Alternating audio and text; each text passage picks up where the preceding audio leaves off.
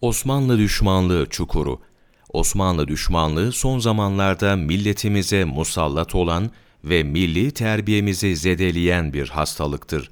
Bu düşmanlığı güdenlerin düştüğü gülünç durum şöyledir. Sümerlerin ve Etilerin Türk olduklarını söyleyerek kendimize övünülecek sebepler arar, diğer taraftan Türk milletinin dünya tarihi ve dünya coğrafyası üzerinde kurduğu en büyük eser olan Osmanlı tarihine karşı kin ve nefret havası içinde bulunurlar. Bu bir çelişkidir.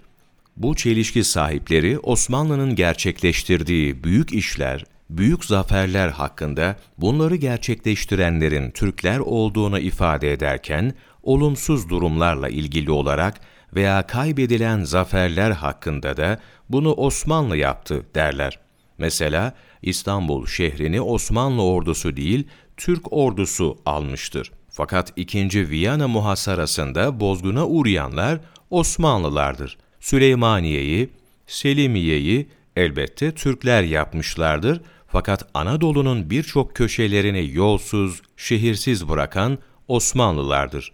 Bu gülünç tezatlardan vazgeçerek bütün meziyetleri ve bütün pürüzleriyle bir kül halinde ecdadımızı tanımak ve sevmek lazımdır. Osmanlı tarihi yerinilecek bir tarih değil ancak övünülecek bir tarihtir. Bu tarih Bursa'nın fethinden Çanakkale'nin müdafasına kadar baştan sona bir şerefler ve zaferler destanı halinde örülmüştür. Osmanlı'nın akıbeti tamamen kendi hatalarımızın bir neticesi değildir. İkinci Dünya Harbi'nde bir dünya ablukasına iki sene dayanamayan ne büyük devletler varken Osmanlı aynı dünya ablukasına tam dört asır direnmiştir. Osmanlı hanedanı da tarihin en şerefli hanedanlarındandır.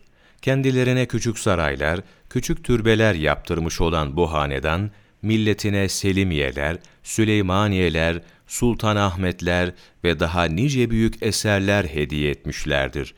Nihat Sami Banarlı, Tarih ve Tasavvuf Sohbetleri 20 Şubat Mevlana Takvimi